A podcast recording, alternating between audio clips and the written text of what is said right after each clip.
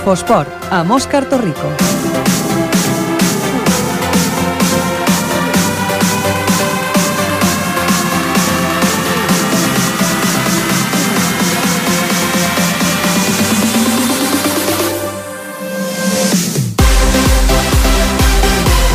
Molt bona tarda, benvinguts a l'Infoesport, una setmana més i aquesta és el penúltim programa d'aquesta temporada en el que estem aquí els dilluns al costat de vosaltres per explicar-vos l'actualitat esportiva d'aquí de Ripollet. Un altre dilluns, eh, aquest 16 de juny, s'acaba la temporada, s'estan acabant tots els campionats. En el tema sènior doncs, ja va acabant tota la competició i aquesta setmana doncs, explicarem una miqueta com han anat les competicions d'aquest cap de setmana, entre elles doncs, les competicions atlètiques amb els joves de base i també el campionat de tenis taula a la vi i juvenil que s'ha disputat aquí al pavelló Joan Creus.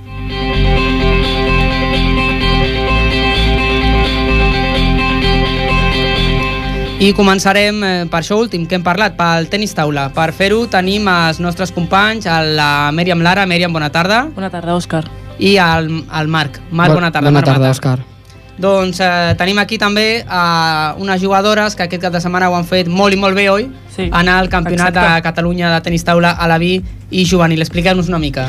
Aquest passat cap de setmana es va disputar per quart any consecutiu el Campionat de Catalunya d'equips juvenils a la Vinça Ripollet, al mateix temps que celebrava els 60 anys del tenis taula al nostre poble. El Club, el Club Tenis Taula Ripollet van classificar 8 alevins i 5 juvenils al campionat, 4 nois i 9 noies, on van tenir molts bons resultats. En la competició individual van quedar a la primera, segona, tercera i quarta posició. En dobles van aconseguir la primera, segona i tercera posició i per equips van obtenir la primera i segona posició. El domini del Club Tenis Taula Ripollet en el campionat català a la vi femení va ser absolut. A les semifinals la Lídia va superar a l'Aina Mogas i la Mireia a l'Helena Parente. La Lídia, la Lídia Rico va sumar el, seg el segon títol consecutiu en derrotar a la final a la seva companya, la Mireia Peretó, per 3, per 3 a 0. A la final de dobles, la Mireia i la Lídia van guanyar a l'Aina i, i a l'Helena. I l'altra parella local, la Marina Palomo i la Júlia Higueras, van aconseguir el bronze. De la resta de categories, cal destacar que la tercera posició va ser aconseguida per l'equip juvenil femení format per la Júlia López i, i la Gemma Costa. Tenim aquí al plató a les protagonistes del campionat, Aina Mogas, Mireia Parató, Elena Parente i Lídia Rico. Bona tarda. Bona tarda a totes. Bona tarda. Com vau veure aquest campionat? Vinga, qui comença? No, ara s'assenyalen una a l'altra i no, no volen parlar. Vinga, Mireia, tu, com vas viure el campionat? Eh, vaig jugar bé, eh, som un equip molt fort, amb moltes ganes de jugar i vam disfrutar molt totes. Mm. Molt bé. Algun altre? La Helena, tu també. Els partits van ser molt intens. Mm. I la Lídia, que ha estat... S'ha penjat les tres medalles, oi, Sí, Marc? especialment tu, Lídia, que vas guanyar les tres categories, com et sents? Eh, vaig estar molt... Vaig estar contenta perquè entre que era Ripollet i, bueno, va ser un campionat que el vaig guanyar força bé, pues, va estar molt bé. Mm, Tres medalles d'or, eh? Sí. Això no és molt habitual, no? No, és la primera vegada que ho aconsegueixo. I com t'has sentit? Eh, pues, contenta de tot l'esforç que he fet durant tots aquests anys Mm -hmm. i ja està. Eh, quina és la diferència entre jugar amb equips contraris i entre vosaltres? Que respongui ara la l'Aina, que és la que no ha parlat encara. Mm, pues que, el, Ah, apropa't una mica al micro perquè si no no t'escoltaran a casa. pues que els equips que són nosaltres pues ja ens coneixem, ja sabem com juguem i els altres pues no. Bueno, i què s'agrada més? Jugar entre vosaltres? no. És més complicat perquè ja us coneixeu i us sabeu, no?, per, per, per on va cadascuna, llavors és més complicat, a, imagino, atacar, no? Sí. Què creieu que va espera, ser... espera, que l'Aina, la Mireia, perdó, aixeca aquí la mà. Tot i que siguem, o sigui, que juguem contra altres nenes, doncs també ens fem amigues entre nosaltres Mhm. i al final també ens animem entre nosaltres. És una cosa molt important, no?, perquè us aneu Clar. trobant amb els Sí. diferents campionats, m'imagino. Sí, com són poquetes nenes, doncs ens anem coneixent molt ràpid. Mhm. I heu d'estar moltes hores, perquè clar, els campionats són tot un cap de setmana o tot un dia, heu d'estar esperant a començar altres partits, no? Imagino que també doncs, és una oportunitat per conèixer altra gent d'altres pobles, no? I fe, feu fins i tot alguna amistat, potser. Sí. Què creieu que va ser el millor i el pitjor que vau fer? Mira, comencem per, per l'Helena. El millor pels equips. I el pitjor, pues, Perquè tu formaves part de, de l'equip que va que guanyar la plata. Tu, Helena? sí. I el pitjor, doncs gairebé res, no? Perquè amb aquesta, amb aquesta competició que heu fet, poques coses dolentes, no? M'imagino que, que sempre hi ha alguna cosa que dius, doncs mira, això no m'ha sortit bé, Mm, en el teu cas, què, què penses? Que, quin punt et va faltar? El individual. individual, tot i que recordem que la- que l'Helena doncs, va quedar tercera. Eh, dels dos tercers va ser una de les dues terceres. Sí. L'altra tercera va ser la, la Aina. Tu com veus la, que t'han preguntat la, els companys, el millor i el pitjor? Pues el millor va ser els equips i de pitjor res. El pitjor ret. Et va sortir Molt bé, tot molt clar. bé, no? I a més a casa, no? Que imagino que estava tota la família ja veient-te, més, més que l'habitual perquè a vegades, no? A vegades sí que els pares doncs, viatjaran, no? Però que fer una competició a casa imagino que, que agrada molt, no? Sí. No, Aina? Vinga, la Mireia. pues a mi em, va anar molt bé, però a l'últim individual em va faltar una mica de ganes i una mica d'intensitat. Oh, bueno. L'últim individual és la final. Sí. Que clar, jugava davant la Lídia, eh? Mèriam i Marc da- davant la, Lini, la Lídia que es va penjar els tresors, eh, com qui no diu res i que portava un rànquing brutal, no? I ara no, Lídia? res, no? No, no. Tu arribaves al campionat amb el millor rànquing de totes i, sí. Sí. i ho vas imposar. Sí, sí. Eh, com, com has aconseguit aquest rànquing? Has estat tota la temporada molt constant, no? M'imagino. Bueno, i durant tots els anys que porto jugant, sempre he quedat de les tres primeres Mhm. i, bueno, Eh, com heu vist aquesta temporada? eh, bueno jo, mm, bast... jo crec que ha sigut la millor, perquè sí. a nivell estatal i bueno, també vaig fer un internacional que era bastant important, que tampoc vaig quedar en molt bona posició, però, Però bueno. era difícil. Clar. I tampoc era la meva categoria, o sigui que va estar molt bé. Per a la Mireia? Pues jo, a veure, m'ha anat bé, però també jugant amb altres nenes que són millors que jo i pues, això també em fa aprendre i haig de millorar per guanyar més, més partits. Mhm. La Aina, vinga.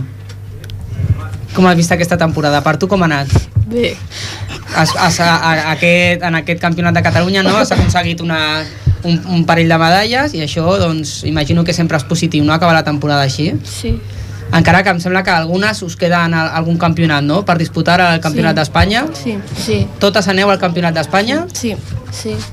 totes quatre sí. molt bé, aquí ara ens entra una altra de les participants de, del campionat de, del Club Tenis Taula Ripollet qui és? Vinga, presenta't apropa't al micro una miqueta més Judit. la Judit. Molt bé. Tu, Judit, hem parlat amb les teves companyes, una mica ara en aquests minuts de ràdio, de com havien vist el campionat. Tu, com l'has viscut aquest campionat aquí a casa? No sé. Ha estat diferent a altres campionats? No. Era la primera vegada que et classificaves per un campionat de Catalunya? No. I, i bueno, jugar-ho a casa, com, com l'has vist? Mejor. Millor jugar a casa. Que estan, una mica coartades, perquè clar, es miren les unes a les altres, volen riure i, i els micros tampoc són tan divertits com per riure els micros, però bueno, és una cosa diferent. Eh, estàvem parlant, Marc, Sí, quants anys porteu jugant cadascuna? I jo cinc. la jo- Lídia 5 anys. No, no, sí. 5, 6, de- l'apunten... entre cinc i sis, portem 5 o 6. Bueno, cinc o sis. La, la La Lídia i la Aina, que són les que més porten, no? Sí. Jo tres. La Mireia 3. Jo quatre. I l'Helena està comptant 4 anys. Un i mig. Un i mig, tu ets la més novella. I què aprens de les altres? Tu ets de categoria benjamina encara? Sí. És categoria benjamina, la resta sou totes d'edat a la vi. Sí. Sí. I la, la Benjamina, què, què aprèn de les- d'aquesta fornada de noies alevines que, que fan tan bons resultats? Eh, no sé. M molt, m'imagino, no? Sí, Com, com és entrenar amb elles? millor. Molt bé. Vinga, uh, Mèriam, Marc, teniu alguna pregunta més per elles? Sí, com afronteu la temporada vinent? I jo crec que serà molt més difícil perquè jugarem contra noies que siguin més grans però igualment ens hem d'esforçar més i a veure què passarà. Mm. Pues jo opino igual que la Lídia. El proper any serà molt més difícil i cada vegada tindrem d'aprendre més coses per guanyar-les, però res és, és, és impossible i s'ha de lluitar al màxim. I esteu en un esport d'Helena, vinga, l'Helena diu, passa palabra, doncs vinga, l'Helena. Esteu en un esport que, que no és molt conegut. Aquí al municipi encara hi ha, hi ha té una bastanta acceptació, però no és molt conegut. Com, com, us, com, us, com et vas ficar tu amb això del tenis taula? Eh, amb el col·legi. A través del col·legi sí. i per què et va agradar? Alguna de les altres? Per què us va agradar això del tenis taula? Perquè no, és, molt, no és un esport molt habitual d'aquests que surt per la tele, d'aquests que practica molta gent... Jo va començar a jugar el meu germà i bueno, vaig, vaig començar a jugar jo però no hi havia nenes i llavors ho vaig deixar. I l'any següent la Aina eh, em va dir de, de jugar, d'apuntar-se sí, d'apuntar-se un altre cop i vaig dir que sí. I llavors mm. em vaig quedar. i així s'ha començat a aconseguir aquesta fornada de noies que ara estan en edat a la vi que va començar la, la Lídia que sí que no la Aina es va sumar després no? l'Helena, la Mireia i, i heu anat aconseguint un equip molt, molt bo que com deien els nostres companys la Mèriam i el Marc doncs, ha, ocupat gairebé els podis d'aquest campionat a la vi. Mireia. Pues jo voldria dir que som un club molt gran, llavors això fa que ens animem entre nosaltres tots i que, si, i que sigui més xulo perquè hi ha clubs que solament tenen dues persones o tres, en canvi nosaltres som un gran grup. Mhm. Llavors pues, això fa que, que ens motivem més, que tinguem ganes i que disfrutem molt i estiguem molt a gust entre nosaltres. Això que es diu de lo, el pique sano, no? De dir, de, hi ha una que vull ser un millor que la meva companya i l'altra millor i us aneu, us aneu Picant, sí. ficant una mica entre totes en el bon sentit no? de la paraula, que sí. això jo crec que és el gran èxit de, eh, que ha aconseguit el Club Tenis Taula Ripollet, d'aconseguir eh, doncs, moltes noies, perquè em sembla que sou no? 9 o 10, que més o menys sou 8 o 9, no? que esteu en aquesta sí. edat, i, i heu aconseguit doncs, que això també suposi una línia de millora del vostre propi lloc, no? Doncs us animem a continuar la temporada que ve igual, a les que aneu al Campionat d'Espanya, que se celebrarà aquest, aquest, aquesta propera setmana, a partir del dia 20 fins al 29. Eh, em sembla que, que marxeu al Campionat d'Espanya a Antequera, doncs que tingueu molta sort allà també. Gràcies. I, bueno, i de cara que passeu un bon estiu per reemprendre amb forces la temporada vinent, que com dèieu doncs, serà més difícil, doncs a seguir lluitant i a seguir aprenent, sobretot, eh? que l'important no és seguir aprenent coses, que sempre s'aprenen coses, no? Perquè tenim uns entrenadors que tenen molta experiència, eh? Sí. Això imagino que també ho fa més fàcil tot, no? Que els entrenadors sapiguin tant. Doncs moltes gràcies a totes. De res. Bona tarda, continuem.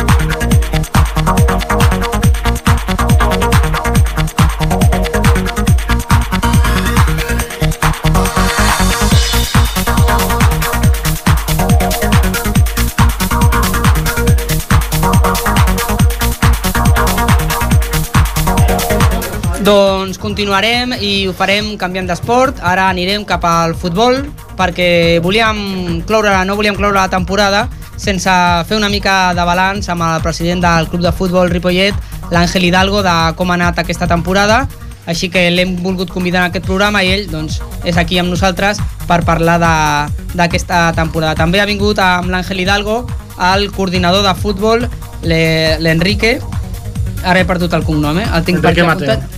Enrique Mateo. Mateo, vale, gràcies. Bona tarda a tots dos. Bona tarda.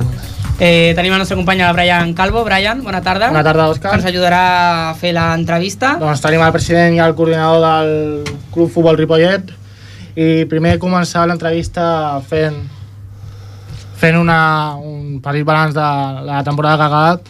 Eh, Ángel, ¿cómo calificas esta temporada? El equipo ha quedado sé- séptimo, el objetivo era estar más arriba. ¿Cómo lo calificas? Eh, la califico correcta, posiblemente, posiblemente un poquito por debajo de lo que nosotros nos esperábamos, porque el objetivo, mm, ya lo dijimos con el míster, con el señor Quintana, de que no era el prioridad- la prioridad era subir, porque creíamos que se, se ponía una presión y para no que la gente no tuviera presión se, se dijo eso y además el presupuesto y todo era para mantener la categoría segunda catalana pero sí es verdad que nosotros hemos exigido eh, luchar por los primeros puestos. Lo que pasa es que es verdad que el último mes y medio hemos tirado un poco la toalla y ahí ha visto un poco de decepción. Pero bueno en líneas generales no ha estado mal. Mm, El grupo también era difícil, ¿no? Y había que estar muy, muy, muy con, con el ritmo todo el año y al final pues no se ha conseguido no mantener el nivel. el grupo es dificilísimo, muy difícil. Nosotros este año, para la temporada que viene, estamos trabajando en ello para intentar cambiar, pero va a ser imposible. Ya Mm. nos han llegado hoy la notificación que será imposible. En este grupo no quiere ir nadie. Es un grupo donde al fútbol se juega poco y al choque muchísimo. Entonces, claro, nosotros un equipo como el Club Fútbol Ripollet que siempre hace jugadores técnicamente, que fichamos gente preparada, en este grupo la verdad es que no nos va muy bien. Por lo menos ha ido el Sans. Eh, se ha ido el ha San, conseguido el pero, mira, ¿no? pero precisamente el San es un Era- club- de los que os va bien a es, vosotros, es ¿no? un club futbolero, es un club que, que tiene muy buenos jugadores. El problema es cuando te enfrentas a, a otras, a otros clubes Ujú. que, que- que- que no es de la categoría, pero que es, es- es muy complicado. La verdad Ujú. es que es muy complicado. Pero bueno, seguiremos trabajando, seguiremos luchando, no, no pasa nada. ¿Qué crees que te cambia el equipo en torno a esta temporada eh, para mejorar para la siguiente? Evidentemente hay que mejorar, eso, eso está clarísimo. Nosotros seguiremos mejorando. Este año, para la próxima temporada, pues eh, se, dan, se han dado mm, nueve bajas y se eh, incorporan nueve incorporaciones. Eh, es decir, ¿Ya están determinadas las incorporaciones? eh, prácticamente sí. Imagino Prácticamente que esto sí. lo habéis estado con el nuevo director deportivo, ¿no? Que habéis, que Sí. habéis fichado con nosotros, Chus. nosotros este año hemos incorporado a Chus como director, digamos, lo que es el, lo que se suele decir secretario técnico, que será eh, entrenador en el juvenil Y también es el, el hombre que coordina el primer equipo junto con David Ortiz, eh, el entrenador. ¿Y esto cómo lo lleva David Ortiz? Eh, Porque llegó bueno, él con un poco con los poderes, ¿no? Y ahora se le quitan. No sé cómo lo lleva. Bueno, no, no, no, no, no creo que sea así. Sinceramente, se conocen y están trabajando mano a mano muy bien. ¿eh? Eh, están los dos plenamente de acuerdo. Lo que sí es, evidente es que el Chut es el que tiene más poder en cuanto se tenga que tomar alguna decisión, en cuanto a, a la baja jugador, incorporarlo, lo que sea. Pero eh, ellos lo están trabajando muy bien están haciendo los fichajes como un acuerdo y las bajas también. Y a, a ver. Que, que tenga más poder querrá decir que luego también será el que no- recibirá el palo cuando tenga que recibirlo. No, normalmente, normalmente al secretario técnico es el que se le exige. Es igual como al director deportivo, en este caso Enrique Mateo, que es el de la base, pues también se le va a exigir a él. Eso, eso, eso tiene que funcionar así. Eh, en cuanto a los fichajes que, que hiciste el verano pasado, ¿alguno te ha sorprendido?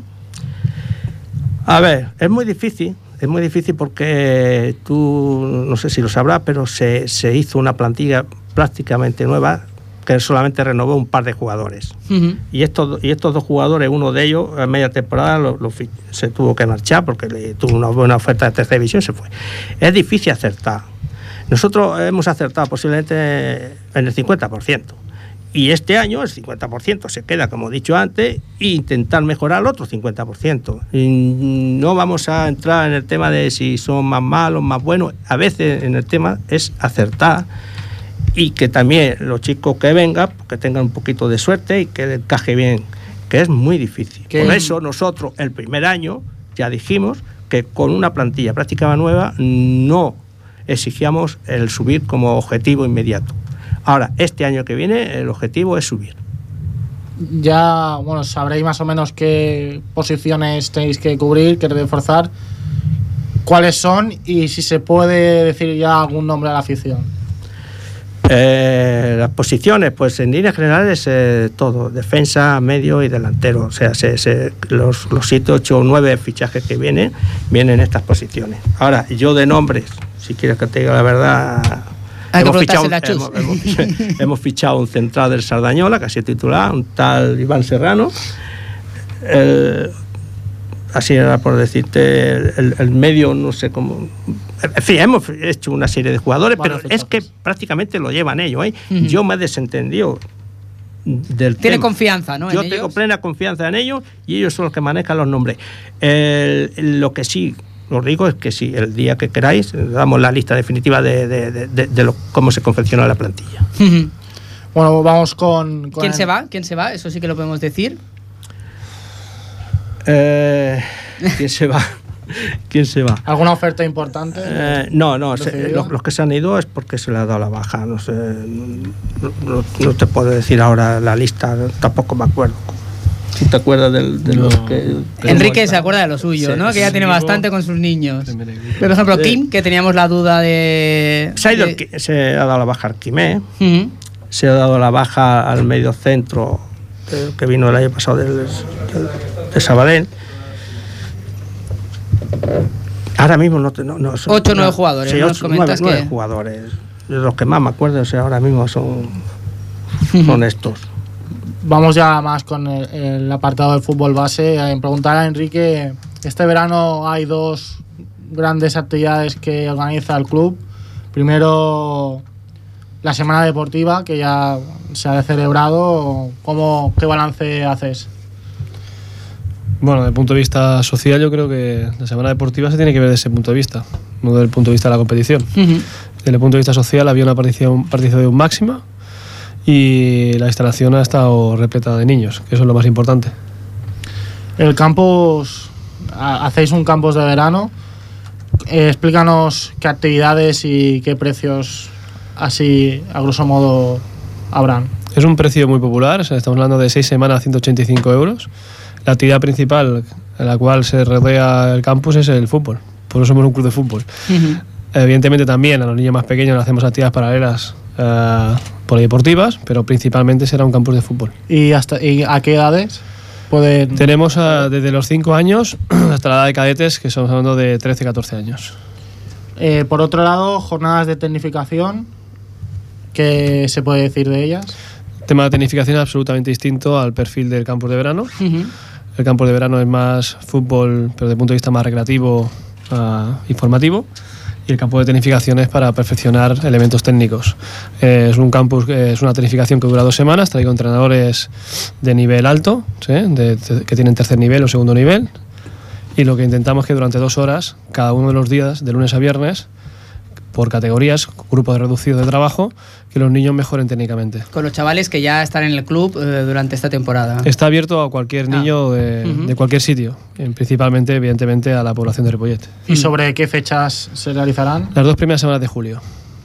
Eh, la- ¿Hay algún algún tipo de prescripción, algunas fechas para recordar al- La- a los jóvenes? Sí, eh, este viernes cerramos tanto las inscripciones del campus de verano como de tecnificación y están abiertas hasta este viernes eh, a todos los niños. Solo tienen que acercarse a las oficinas del club e informarse y, tra- y traer la, la- bueno, la documentación que requiere la tecnificación.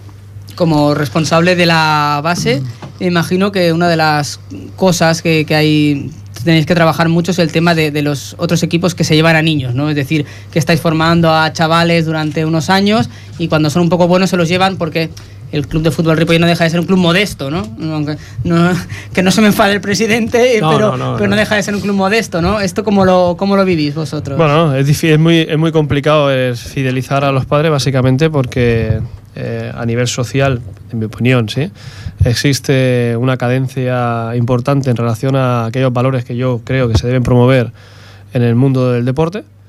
Es decir, nos preocupamos más de aquellos que solo ganan o aquellos que eh, eh, las categorías o algunas cosas de estas. Y yo creo que hay que fidelizar a los padres por otra cosa, que es la formación buena y de calidad de un y en club valores. ¿no? En valores, que los valores que transmite el deporte, ¿no? Básicamente por una cosa, solo el 0,00001% llega a la primera división.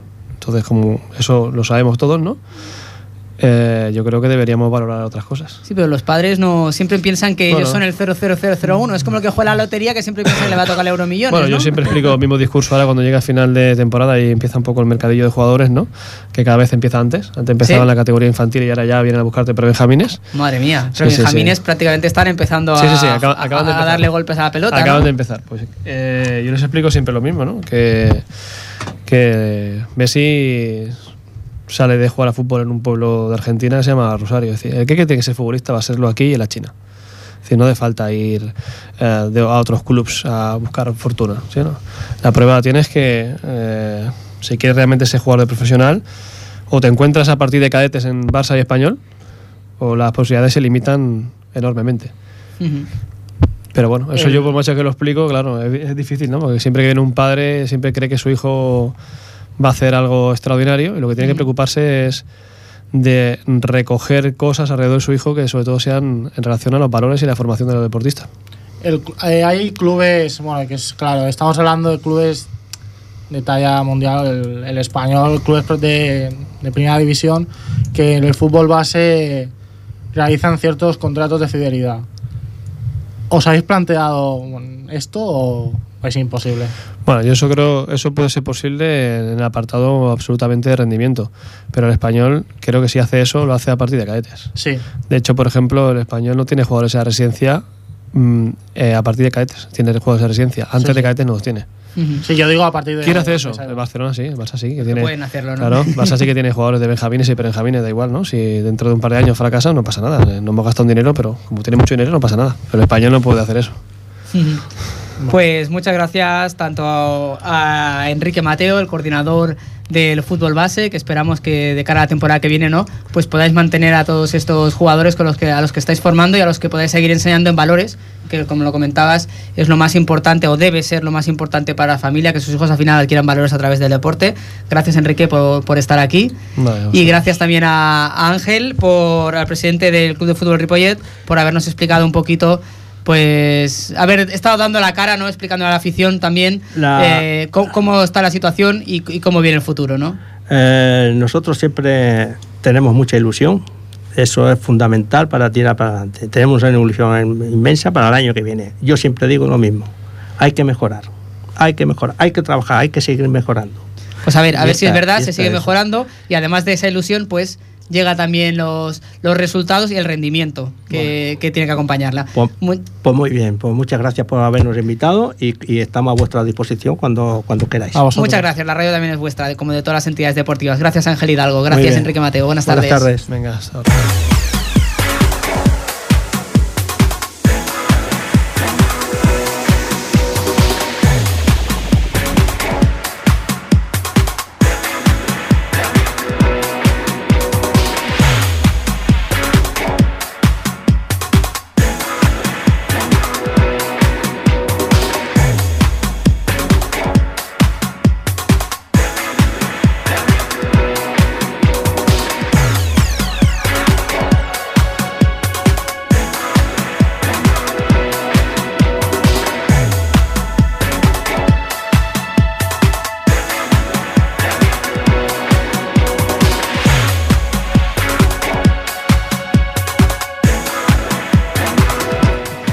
continuem, canviem de disciplina esportiva i ens anem cap a la gimnàstica. Gimnàstica artística perquè aquest cap de setmana una altra de les bones notícies del cap de setmana ha estat que un gimnasta d'aquí de Ripollet, el Rubén López, que bé, bé coneixereu tots vosaltres, doncs ha aconseguit el Campionat de Catalunya de Gimnàstica Artística i el volíem tenir aquí amb nosaltres perquè ens expliqués això i la gran temporada que està fent. Per parlar-ne tenim els nostres companys, l'Ester Catalán. Ester, bona tarda. Bona tarda. I el Jordi Soteras. Jordi, bona tarda. Hola, què tal? Bona tarda. I com no, tenim aquí el Rubén López. Rubén, Hola, bona tarda. tar- Bones tardes, bona tarda. Hola, Rubén, bona tarda. Eh, com ha dit l'Òscar, ahir et vas proclamar campió de Catalunya de gimnàstica artística, no? Masculina, com va anar? Explica'ns una mica. Bé, bueno, la veritat que va ser una competició una mica dura perquè hem vingut ara, ha acabat el Campionat d'Europa fa dues setmanes i vam Mhm. tenir una setmana de vacances i justament pues, per preparar aquesta competició ha sigut tot una mica ràpid no? i no està, encara no estic al 100% de forma, no? però tot i així em vaig notar bastant bé i va anar força bé. Uh, Rubén, quan et dones compte que et dedicaràs seriosament a això de la gimnàstica? Pues va ser a partir dels 13 anys quan em van seleccionar dins d'un pla de tanificació que estava fent la Federació Catalana de Gimnàstica i vaig entrar al centre del rendiment de Sant Cugat i ja entrenant matí i tarda, estudiant allà i bueno, ja aquell va ser el pas de, que ja passava de ser un hobby a ser algo professional. Però sent un hobby entrenaves molt, no? Sí, 6 hores tots els dies. I en algun que és moment... com un professional, gairebé. Jordi. En algun moment, als començaments penses, uf, això és una mica pesat. Home, jo me'n recordo que el pas del- d'entrenar al club a passar al centre del rendiment va ser dur perquè al club entrenàvem només per la tarda 3 hores i vam passar de tots els dies 3 hores a tots els dies 6, és a dir, dos entrenaments, matí i tarda. I al principi sí que me'n recordo que arribava a casa i estava destrossat, o sigui, sopava i m'anava a dormir ja directament. I, bueno, sí que va ser dur, però en ningú moment vaig pensar de deixar-ho ni res, m'agradava i m'ho passava bé. I moltes renúncies?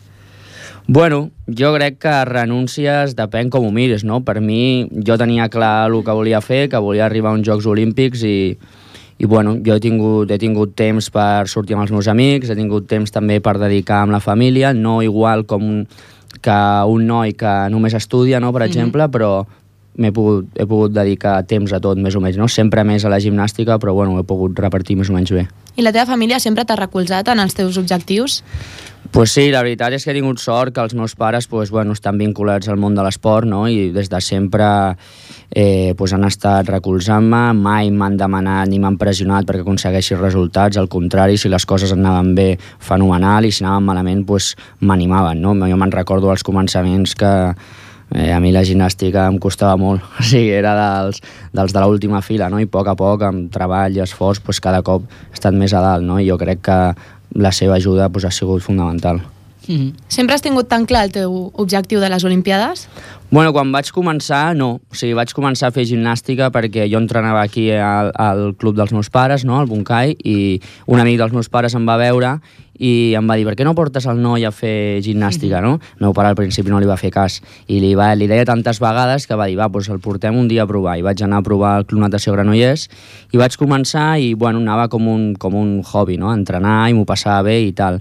Però me'n recordo que el Herbie, Gervasio de Fer, que ha sigut tres cops medallista olímpic, pues, era del mateix club que jo, i ja quan vaig començar a veure aquelles coses, pues, ja em va moure per dintre que volia, jo volia allò, no?, arribar allà. Un exemple sempre és bo, no? Sí, sí, sí, o sigui, tenir-lo allà, veure que ell ho havia aconseguit, doncs vaig pensar, sí, per què no ho puc aconseguir jo, no? Has competit a l'Olimpiada de Londres. Realment se sent plaer quan abans i a la pròpia Olimpiada? Jo, sempre que em pregunten sobre l'Olimpiada de Londres, dic que és el, aquell moment és quan jo em dono compte de que tot l'esforç que he fet o sigui, val la pena només per aquelles dues hores de competició, no? Perquè és algo, bueno, des de conviure a la Villa Olímpica amb esportistes com eh, Rafa Nadal, Usain Bolt o grans estrelles, no? Et veus tu allà i dius... Eh, o sigui, és que jo estic ficat dintre de, de, d'aquest món, no? I, bueno, i després, sobretot, me'n recordo d'una imatge que és quan estàs preparat abans de sortir al, a l'estadi a competir, no? I està amb totes les llums a, a vegades i, i la gent cridant i la música a tope i de cop encenen les llums i surts, bueno, allò és una sensació eh, brutal. O sigui, un estadi que gairebé com un camp de futbol tot Mhm. ple només per veure't a tu fer gimnàstica. Que no és l'habitual, a més. Exacte, perquè En aquest gimnàstica... país. El gimnàstica més és un esport minoritari, no? I no, no estàs acostumat a això i va ser algo, algo brutal. Quina meravella, no, Esther? Sí, sí. Deu ser... Hòstia. No, no, una sensació indescriptible. Tens pensat presentar-te unes altres Olimpiades? Sí, de fet, bueno, estem preparant ja les Olimpiades de Rio, que aquest any ja és molt important perquè a l'octubre tenim el Mundial i ja és classificatori pels Jocs Olímpics, passen els, primers, els 24 primers països, és la, la primera, diguéssim, la primera prova, no? Mm. que són els que passen i bueno, doncs estem ja entrenant fort i jo espero no només anar-hi sinó poder aconseguir alguna algú bo. Quina relació teniu entre els, la gent de l'equip espanyol, entre els teus col·legues? Bé, molt bé. Jo, no, o sigui, tots els meus companys estan entrenant a Madrid. Jo vaig estar entrenant allà 5 anys amb ells. Ara he tornat un altre cop a entrenar aquí al Car de Sant Cugat, però bueno, la relació és molt bona. Jo sempre em sorprenc perquè el, el ser un, un esport individual, no? no és el mateix que diuen que no és el mateix que un esport en equip, no? però jo crec que la, que la relació que hi ha entre nosaltres és com si fos, com si fos un equip, no? tots ens, ens recolzem molt i ens animem i jo crec que és algo molt bo la, la unió que tenim. I, però tu has, has resistit el canvi de cicle olímpic, això que li diuen canvi de cicle olímpic, que és que després de les Olimpiades sempre es renoven una mica eh, els, els esportistes, que es, això passa molt en el tema de la gimnàstica, no? perquè per l'edat també doncs, limita la situació, i, i tu has, resi estàs, has resistit aquest cicle, estàs amb gent nova que ha entrat de nova fornada també, no? Sí, normalment, després d'un cicle olímpic, doncs, bueno, els, els esportistes més veterans, ja que tenen més anys, no, solen fer un canvi de vida alguns, no? I, diu, Mhm. i ja bueno, doncs deixen l'esport o es dediquen d'una forma més suau, no? I entren altres, el que has dit tu, altres esportistes joves que, que van estar amb aquella ambició i amb aquelles ganes d'anar a uns Jocs Olímpics, no? Jo encara tinc 23 anys, sóc jove, a la gimnàstica pots arribar en bona forma fins als 29, més o menys. Jo crec que, que les de Rio segurament estarem allà i després doncs, ja veurem si, eh, si em trobo bé i amb força, doncs, les de Tòquio, per què no? Déu nhi eh? Et plantes molta, molts reptes, però ets molt jove, 23 anys, però has estat ja a 5 europeus? Sí, 5 europeus, un mundial i uns Jocs Olímpics. déu nhi déu nhi per 23 anys. Sí, sí. Competeixes amb altres equips? Pues sí, mira, tinc la sort de que hi ha dos equips, una a França i una a Itàlia, que allà la gimnàstica és més coneguda que aquí a Espanya, no? i fan unes, unes lligues de gimnàstica entre clubs, i durant la primera temporada de l'any, des del gener fins al juny, més o menys, pues cada dues setmanes o així pues vaig o a França o a Itàlia, depèn com coincideixin les competicions, i competeixo per ells en el campionat nacional, amb el seu equip. Un és l'equip de Bulasac i l'altre de Vercelli. Aquí, Rubén, dona, això dona per molt, dona per molt. Jo sí que hi ha una cosa que, que em preocupa una mica, és l'esforç, la disciplina abans i ara. Tu pràcticament neixes amb un gimnàs, avui amb 23 anys tens tota una carrera a, a darrere i per davant. Què ha canviat en quant a l'esforç i disciplina i abans? Bre- Breument, perquè lamentablement tenim poc temps.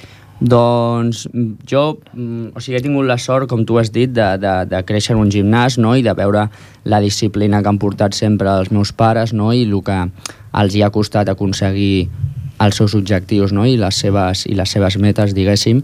Sobretot el que, el que, la diferència que jo veig és que abans la gent, o per almenys el que jo veia encara que era petit, s'esforçava més per aconseguir les coses, no? I ara no, o sigui, bueno, ho dic així en general, suposo que hi, ha, hi haurà excepcions, no?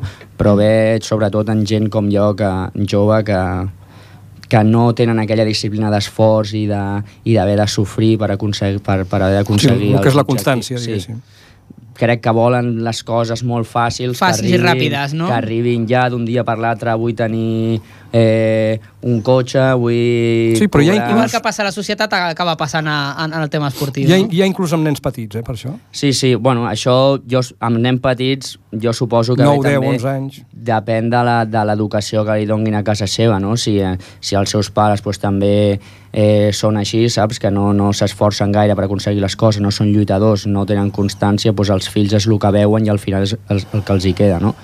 I bueno, jo el que deia, he tingut la sort de que els meus pares pues, els he vist treballar molt per aconseguir per aconseguir els seus objectius i a mi pues, això m'ha ajudat molt, la veritat. Som el que veiem i a l'esport això és molt, molt important, l'esforç i tot el, el que li poses per, a, per assolir fites. I un exemple d'esforç és el Rubén López, un fantàstic exemple d'esforç que es pot donar a tots els joves i a tota la gent en general, perquè l'esforç doncs, a la vida, com explicava el Rubén, ens, ens el trobarem en, en moltes etapes. Gràcies, Rubén. És fantàstic veure com una persona se li il·luminen així els ulls quan parla del seu somni que són els Jocs Olímpics. És una pena que a la ràdio no tinguem eh, això, la, La les imatge, imatges, eh? perquè eh, hauríeu vist els ulls del Rubén com, com s'il·luminaven quan parlava dels Jocs Olímpics. Jo- Gràcies, Rubén, i molta sort, eh? I els nostres d'ulls, eh, també. Sí, perquè és molt maco escoltar la Sí, gent sí, així, sí. que s'explica tan bé i que fa tant d'esforç i, treu, i treu un profit al final, al final de la seva carrera. Gràcies, Rubén. Res, gràcies a vosaltres. Bona tarda.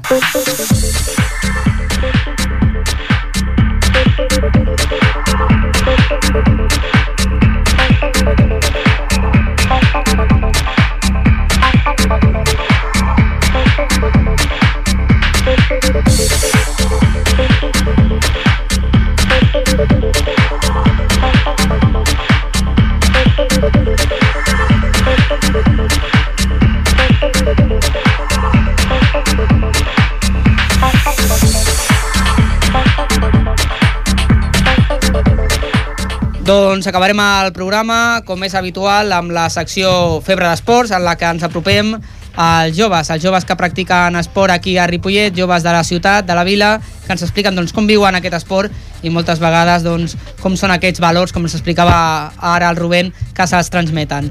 Jordi, Hola, què tal? Continues aquí, tenim a dos nois. Tenim aquí, sí, tenim aquí el Jordi Puig, que juga a bàsquet, al Sant Gabriel, i tenim el David Martín, que juga al futbol sala, al futbol sala Ripollet.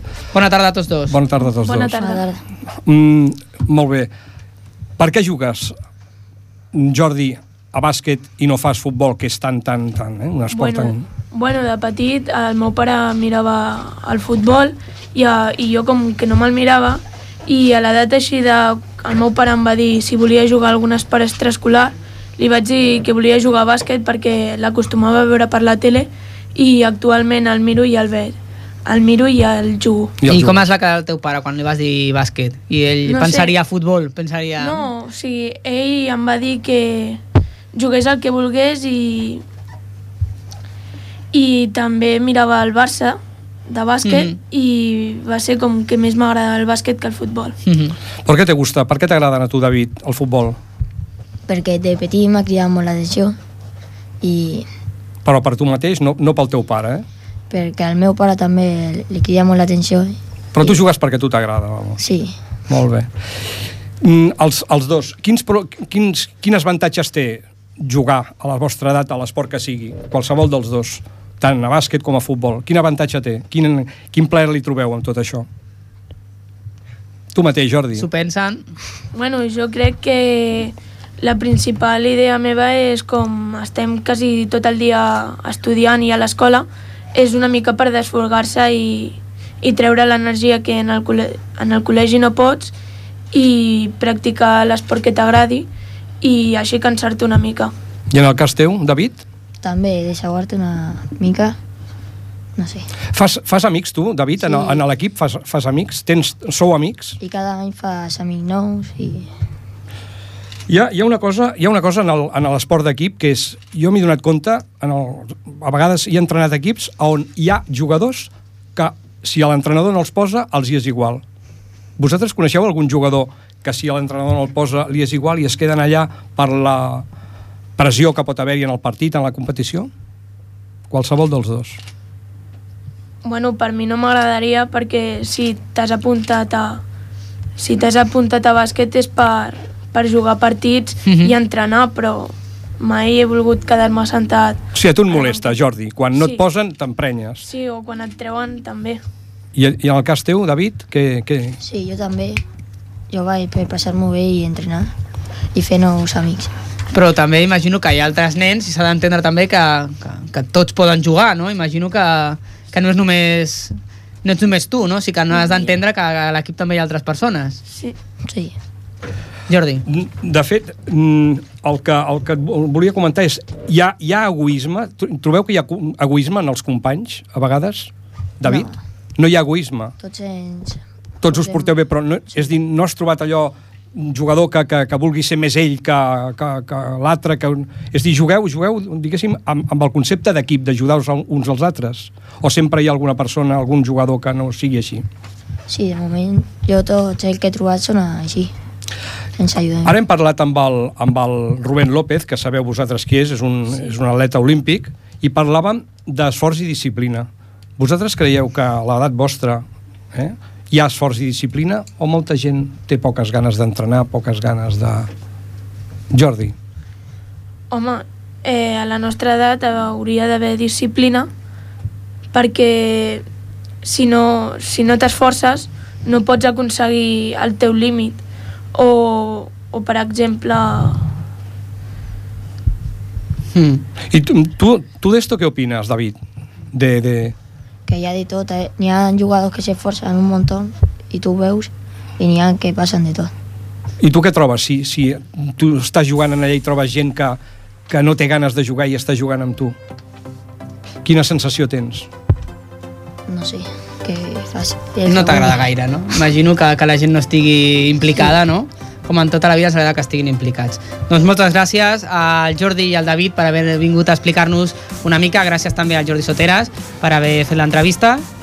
De res, de res, Òscar. Bona tarda a tots. Tu. Només recordar abans d'acabar que aquest cap de setmana s'han disputat els campionats de Catalunya d'atletisme en categories Benjamí, Alaví i Infantil i la Unió Ripollet Atlètica ha aconseguit dos podis i sis places de finalistes. En Benjamí, a la prova dels 1.000 metres llissos, el Ter Rodríguez ha estat plata en un ajustat sprint per la segona plaça amb el seu company d'equip, el Jones Dahak, eh, que ha aconseguit el bronze.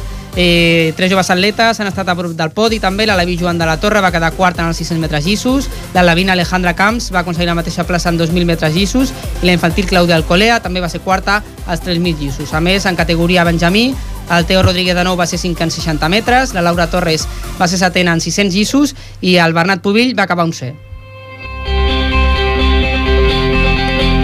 Doncs aquí ens acomiadem fins al proper dilluns, que serà l'últim programa de la temporada, el proper dilluns 27 de juny, 23 de juny, perdó. Bona setmana i ens tornem a retrobar dilluns. Bona tarda.